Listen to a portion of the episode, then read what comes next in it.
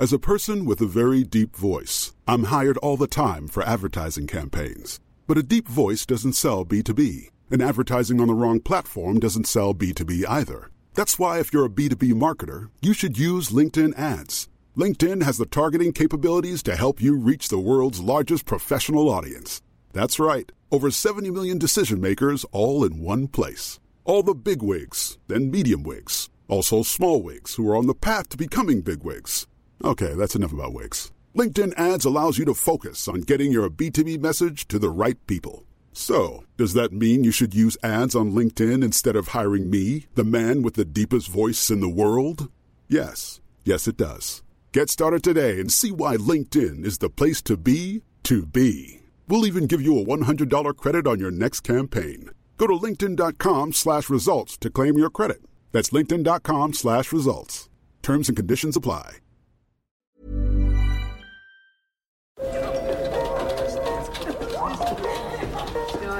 Dette er lyden av norsk næringsliv. Akkurat nå tas det små og store valg som kan bli avgjørende for fremtiden. Med økonomisystemet X-Leger tas disse beslutningene basert på informasjon i sanntid, slik at drømmer og ambisjoner kan bli virkelighet. Få kontroll og oversikt, gå inn på xledger.no. Denne sendingen er sponset av Xleger.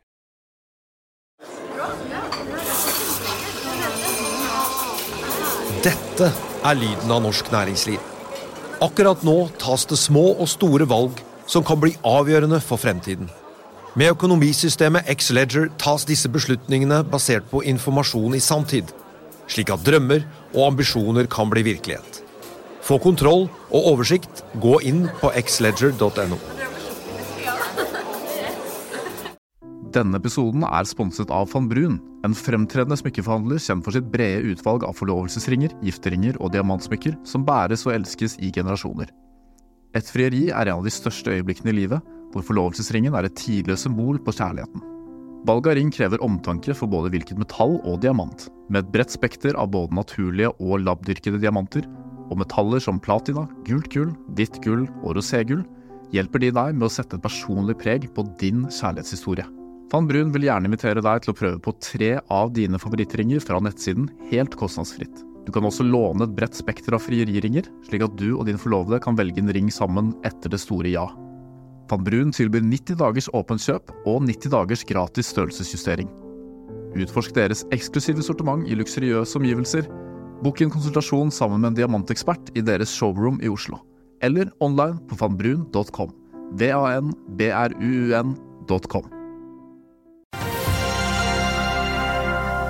Aker Solutions vinner storkontrakt på britisk sokkel for et nytt Equinor-felt. Kid øker salget i fjerde kvartal, og er det et kinesisk begravelsesbyrå man skal satse på? Det har i hvert fall dagens gjest gjort. Det er mandag 9. november. Velkommen til Børsmorgen.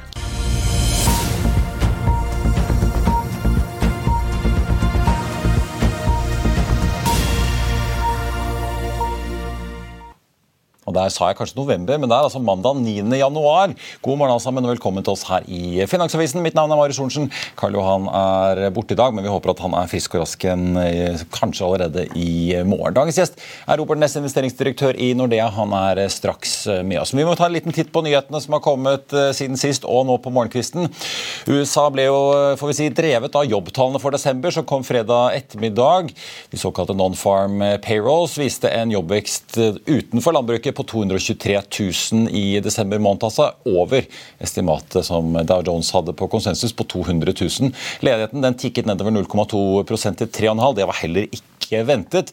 Men de sterke tallene der skremte ikke markedet helt, for lønnsveksten var lavere enn ventet.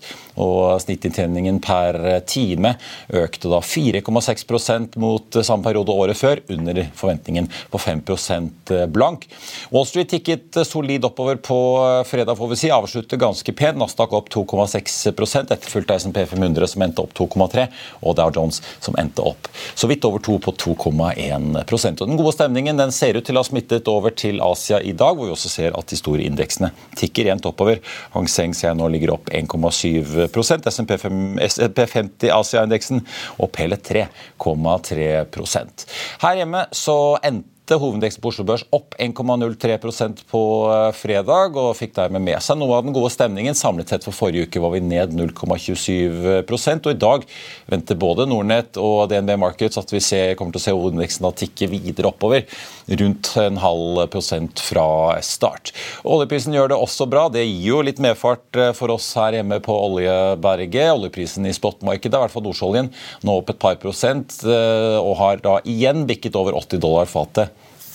80 dollar og 6 cent for å være helt eh, nøyaktig akkurat nå. Men det kan vi, jo, kan vi jo se at det svinger litt opp og ned rundt 80 kanskje i løpet av dagen. Amerikanske lettoljen også opp nesten 2% til 75,20. Verdt å merke seg, Equinor går eks-utbytte i eh, dag på 90 cent aksjen, hvorav da 20 er ordinære utbytte og 70 er ekstrautbytte. Og Så er det en uh, sak som er verdt å holde et øye med på. Tørrlastskipet Glory ser nemlig ut til å ha gått på grunn i Suezkanalen melder CNBC og siterer da shippingfirmaet Lett. Foreløpig skal det ikke være tegn til at trafikken stopper opp, men det er jo en situasjon som er verdt å følge med på. I hvert fall for de som husker hva som skjedde på starten av 2021, da Ever Given stoppet opp og blokkerte trafikken i en snau uke. Det påvirket jo eh, alt fra XXL og deres sykkelleveranser til mange andre selskaper. Aker Solutions har altså landet en kjempekontrakt på britisk sokkel med Altera Infrastructure for å oppgradere det flytende produksjonsskipet Petro Jarl Knarr, som tidligere har vært eh, i drift på norsk sokkel. Nå skal det pusses opp får vi si, før det skal brukes på Equinors eh, nye oljefelt Rosebank utenfor eh, kysten av Storbritannia.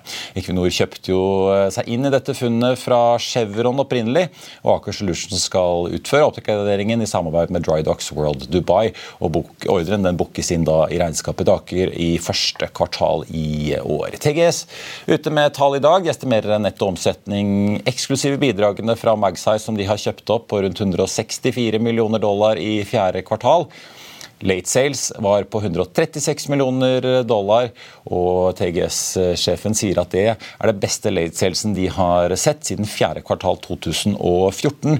I tillegg så har vi sett da en solid vekst i ordreinngangen knyttet til nye investeringer i det siste, noe som betyr at ordrereserven for flere kunder økte betydelig i kvartalet, sier da konsernsjef Christian Johansen i en, sitt uttalelse i børsmeldingen. Så får vi også ta med da interiørkjeden Kid, som er ute med noen foreløpige foreløpige tall for fjerde kvartal. For de som husker, så kom det jo med et resultatvarsel for, eh, tilbake for tredje kvartal pga. høye fraktrater. Nå I fjerde kvartal så hadde de en omsetning på 1,1 milliarder eh, kroner, sammenlignet med 1,09 på samme tid året før. Like for like-veksten steg da 1,8% basert på da en fast eh, valutakurs. Vi skal straks ta inn dagens gjest og er tilbake rett etter dette. Vil du bli oppdatert på det viktigste som har skjedd innen finans og næringsliv? Da er det bare å følge med, for hver morgen er jeg, Marius Lorentzen og aksjekommentator Karl Johan Malnes på plass i studio for å ta tempen på dagens marked i Børsmorgen. Og hver ettermiddag oppsummerer vi alt du trenger å vite i økonominyhetene, og det blir selvfølgelig masse interessante gjester. Klikk deg inn på fa.no-tv, eller søk opp Børsmorgen og Økonominyhetene der du hører på podkast.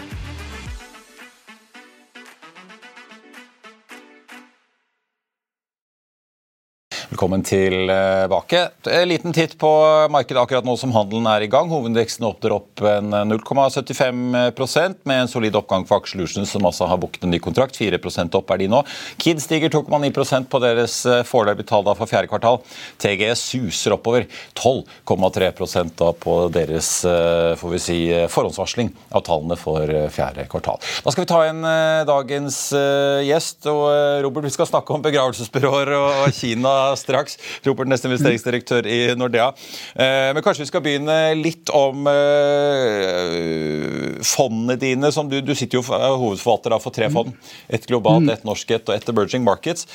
Kanskje vi skal begynne litt med det norske og hvordan dere er posisjonert nå. Hovedindeksen her hjemme endte jo ned en prosent eh, omtrent i fjor. Fondsindeksen endte jo mer ned når du ikke fikk den der drahjelpen fra Equinor bl.a. Hvordan sto det til hos dere? Mm. Nei, altså klart eh, Fondet vårt kom ned, da, ned med rundt 3,5 eh, men så kom fondsindeksen, som da Vi kan ikke ha mer enn 10 kunder i fondet. Den var ned vel 7% så, så det var liksom greit nok. Vi har gjort det egentlig klart bedre enn markedet også de siste fem og ti år. Så da, da, er liksom, da, er det, da, er det, for så vidt greit nok for kundene våre at de får litt bedre enn Oslo Børs. Sover godt om natten. Men mm. hva var det som var liksom de viktigste driverne for at, for at vi så jo aksjefall på Wall Street? altså SMP 500 var jo ned nesten 20, Nasdaq var vel 33% ned. Hva var det som mm. bidro til at det ikke gikk verre enn 3,5 får vi si da? Nei, altså det, det, er en ting som var veldig bra, og en ting som ikke var så bra. Det som ikke var så bra, kan ta med en gang. Vi hadde veldig lite Equinor, nesten ikke Equinor. Og det, relativt sett så kostet jo det faktisk 6 prosentpoeng. Men så hadde vi en del greie aksjer. Vi hadde Wilhelmsen som eh, gikk greit ved en av våre store posisjoner. Så den, den som bidro mest. Og så har vi ikke hatt eh, Tomra og en del av de høyt prisete aksjene som Auto står, og det har også bidratt eh, ganske bra når vi sammenligner med, med indeks. Hvordan posisjonerer du deg litt, for jeg må jo høre litt hva du tenker om det nye året. Det var vel det spørsmålet alle på denne famøse årskonferansen til NHO fikk i, i, forrige uke. Ja. Men jeg må jo spørre deg òg, som forvalter. Hva slags liksom, forventninger er det du har til 2023, og, og hvordan er det dere posisjonerer dere da i et norsk aksjefond? Det er klart det blir et krevende, definitivt et krevende år. Men det vet jo markedet. Så vi så internasjonalt eh, globale aksjer var ned 18 samtidig som inntjeningen ser ut til å være opp med 12% Så det er klart, Da vet egentlig alle at dette kommer til å bli krevende, og mye hensyntatt i forkant. Og Norge spesielt er lavt priset. Altså Summen på Oslo Børs og prisen med P på 9, og det er billigere enn vanlig. Men det er så billig fordi at man frykter at inntjeningen ikke vil holde. Om ikke en knekker i år, så kanskje en knekker litt fremover. Så jeg tror det som nøkkel er å finne selskap som er greit priset, men hvor du tror at inntjeningen faktisk vil holde. Sånn at du ikke kjøper de kanskje de aller billigste, kanskje mer sykliske, hvor inntjeningen er mer usatt. Ja. Så, så, så, det vi ser, altså En ting som vi har hatt lenge, reduserte litt i begynnelsen av fjoråret, men kommet litt mer tilbake nå, det er sparebankene. Så vi tror sparebankene vil greie seg ganske greit i år også. Og det er priset på ni ganger inntjening, som er egentlig ganske hyggelig. Ikke noe sånn spesielt billig på prisbok, men greit priset på sånn 1,1 prisbok. Så de tror jeg kan bli grei også i, i 2023. Ja, for Utover Sparebanken, er det noen spesielle bransjer som eh, er litt mer motstandsdyktige på eh, inntjeningen, sånn som du ser det nå? Ja, så klart Konsumselskap bør generelt være det. Sant? På sjømat har vi det spesielle med, med, skatten, så det er mer volatil. Men eh, Orkla er nok blant de mer robuste. Nå har, sliter de litt med marginer, det er ikke noe særlig, særlig inntjeningsvekst. Men, eh, men jeg tror jo også at sånn som Wilhelmsen, som var helt grei i aksje i fjor, at den kommer til å være bra i år også. Så den er priset til tre ganger inntjening, priset til halvparten av bokførte verdier. Og, og der vil inntjeninga holde en god del år framover. Så jeg tror, jeg tror, den fortsatt kan, eh, kan være bra. Vi må kjapt snakke litt om eh, Dere har et globalt fond, også et emerging markets-fond. Nå, nå, er det jo veldig mange som går og lurer på hva, hva skjer i Kina. og Hvis det nå er sånn at de faktisk da åpner opp, hvor mye mer fart får vi, og når kommer den bølgen innover eh, både markeder og eh, verdensøkonomien? Hva tror du selv? Er vi på en slags sånn bunn for emerging markets nå? Og liksom Merker dere litt økt interesse, eller? Ja, Vi merker definitivt økt interesse. Sant? litt av det er jo at eh, det har vært veldig svak avkastning i flere år. Også de siste månedene har Kina kommet tilbake. Men kanskje viktigst av alt er at eh, inntjeningen ser litt eh, greiere ut. I fjor ble det flat inntjening i Kina. Det var ventet bra, men det ble flat. For 2023 så har det vært en ganske grei, grei økning. Når vi ser på enkeltselskap, så er det langt fra usannsynlig at det skjer. Og det er en haug med selskap i i Kina som du får på veldig lave multipler. Du har til og med noen selskap hvor det er så lav priset at og de har cash, så enterprise value ligger ganske nær null. Så, så, det er en del, absolutt en del spennende selskap der. Jeg opplever liksom at folk kjøper seg netto inn i emerging markets-fondene nå, liksom, hvis du ser både hos deg selv og hos konkurrenter? Jeg har ikke sett så mye på konkurrenter. Jeg har sett hos oss har det vært en Egentlig har det vært bare en liten økning. Det har vært noe nytt, men det har vært mer interesse. Så det har vært mer mm. sånn eh, Hva skjer i mediemarked? Hva gjør dere der? Hvordan ser vi at ting kan se ut framover? Så, så, det er jo trolig mer sånn start på, på at det kan komme mer inn. Jeg promoterte jo litt i innledningen her. Du har fattet interesse for uh, ingen, ingen ringere enn nå må jeg se om jeg uttaler riktig da, For Shu Yuan. Altså Et begravelsesbyrå i Kina som har steget nesten 90 siden eh, oktober. Altså Du sier du er 11. største aksjonær. Hvordan kom, hva, ja. hvordan kom, det over det, av alle ting? Nei, altså klart Vi har en sånn prosess hvor vi ser etter selskap med mer stabil inntjening, kanskje litt vekst, men mer stabil vekst og en grei verdsettelse. Så vi kjøpte jo den aksjen for, for halvannet år siden. Men har den ganske hot i markedet, fordi man ser på gjenåpningen, og det er mange som frykter at dødstallet vil fyke til været. Og hvis du da er begravelsesbrå, så får du, får du mer business. Så det hadde faktisk en av store amerikanske bankene hadde egentlig en litt sånn smakløs analyse hvor de sa at utsiktene ser veldig bra ut framover. altså flere dødsfall. Så, eh, så det er nok ja, litt Det er jo litt kynisk råkapitalisme egentlig, men det er jo på en måte de facto det som skjer da, hvis man plutselig åpner opp igjen. Ja, det er det.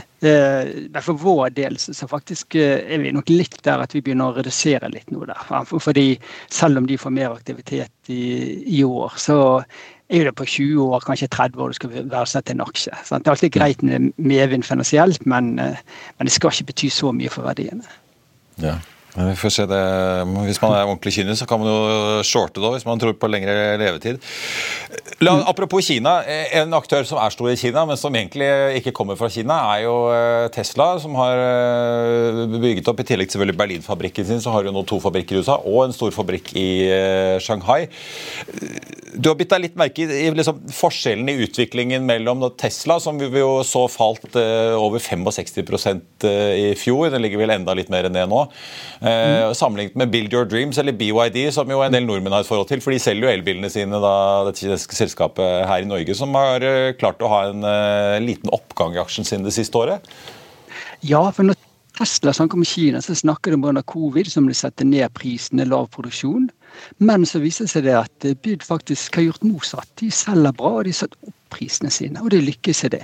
Og det kan vi se utslag i aksjekursen. Så har vi siste tolv måneder så er Byd-kursen opp 8 eh, mens på tolv måneder så er Tesla ned eh, nesten 70% Så, så det er ikke det er liksom ikke generelle markedet, det er mer at Tesla ikke slår så bra an. Men det kan ikke igjen skyldes at Byd har en god del større utvalg av biler med lav pris. Sant? Og det er de som selger, mens premium-segmentet det, det sliter nok litt mer. Men er det, vi har jo sett shippinganalytikere har jo merket seg at Kina har jo plutselig blitt den største eh, elbileksportøren. Eh, i hvert fall, De blir jo sikkert den største bileksportøren eh, om vi ikke altfor lenge om med god margin her i høst. Hvor stor er troen altså- din på disse her kinesiske elbilprodusentene, som jo flere av de er jo børsnotert? Ja.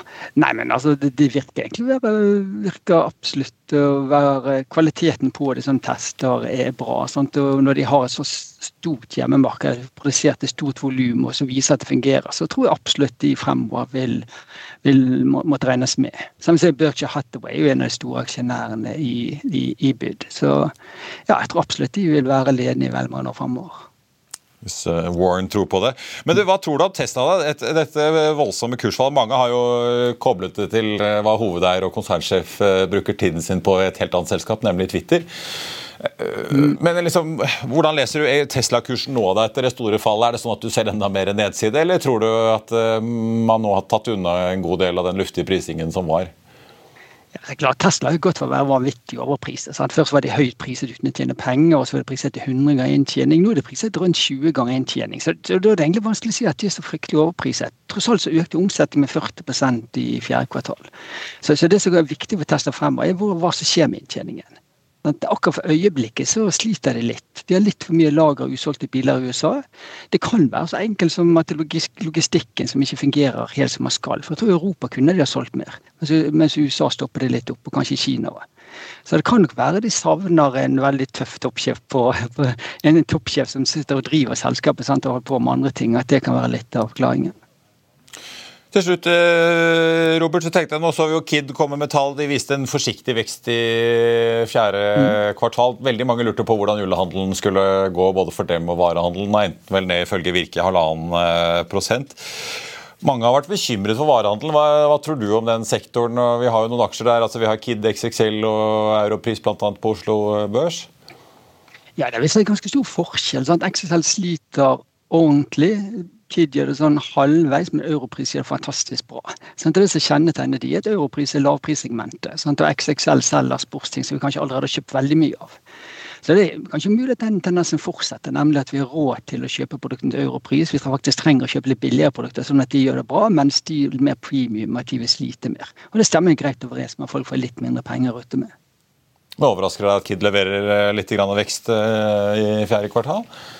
Nei, Det er så vidt hyggelig at de gjør det. sant? Men det som er akilleshæl til, til Kid har jo vært mer marginene. De hadde litt ekstra høye kostnader pga. frakt i fjerde kvartal. Så det er så spennende å se hva marginen blir. Så, så derfor er det mer så avmålt jubel når det kommer med litt bedre tall enn ventet, fordi at det er marginen som teller for de, og siden den har vært litt variabel, ikke så mye topplinje. Vi må få hele tabellen som det heter i kvartalsrapporten som kommer om noen uker. Ja. Ja, Robert Næss, investeringsdirektør i Nordea, tusen takk for at du var med oss. God børsuke.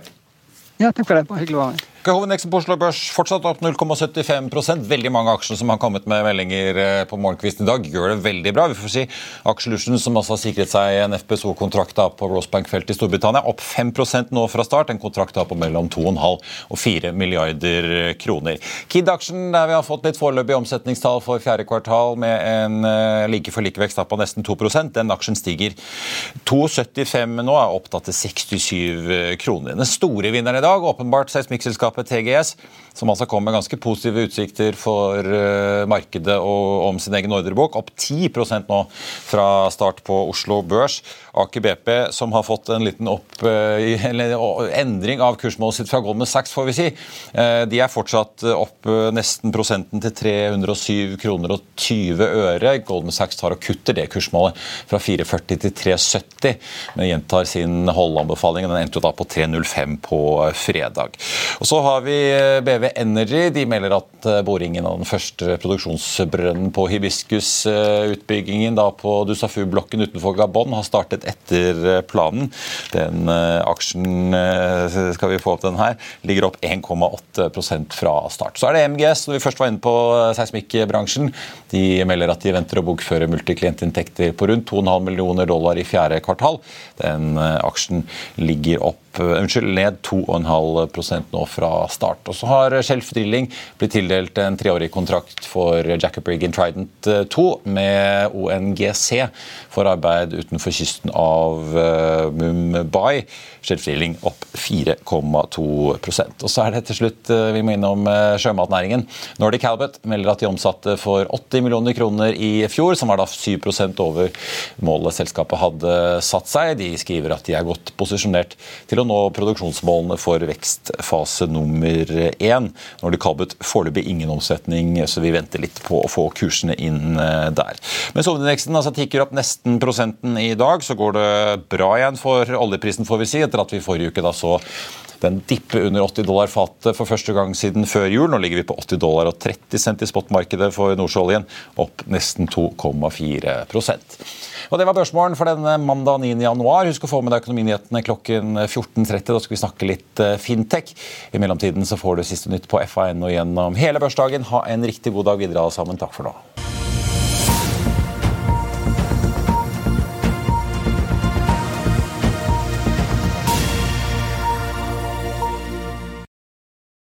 Denne sendingen er sponset av Xleger. Økonominyhetene er en podkast og videoproduksjon fra Finansavisen. Programleder er Marius Lorentzen. Aksjekommentator er Karl Johan Molnes. Produsent er Bashar Johar. Podkast- og videoansvarlig er Marius Mørk Larsen. Og ansvarlig redaktør er Trygve Hegnar.